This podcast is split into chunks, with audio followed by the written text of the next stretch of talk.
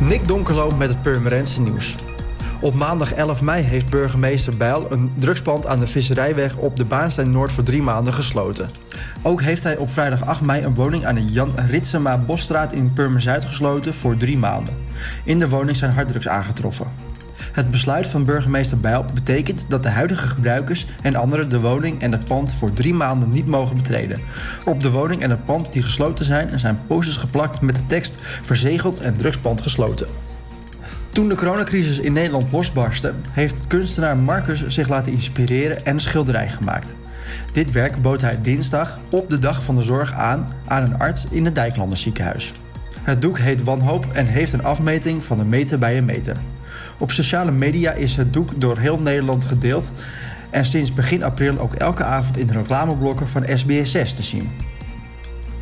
Binnenbaden mochten afgelopen maandag de deuren weer openen. Veel zwembaden blijven achter nog gesloten. Zo ook Spurt Leegwaterbad. Achter de schermen wordt keihard gewerkt om de laatste puntjes op de i te zetten om de deuren weer te kunnen openen. Het zwembad wacht verder op een aanpassing in de huidige noodverordening van de gemeente. Omdat het zwembad wekenlang gesloten was, moest de waterkwaliteit gecontroleerd worden.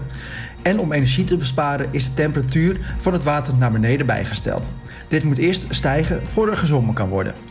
Het zwembad hoopt op maandag 18 mei de deuren te kunnen openen.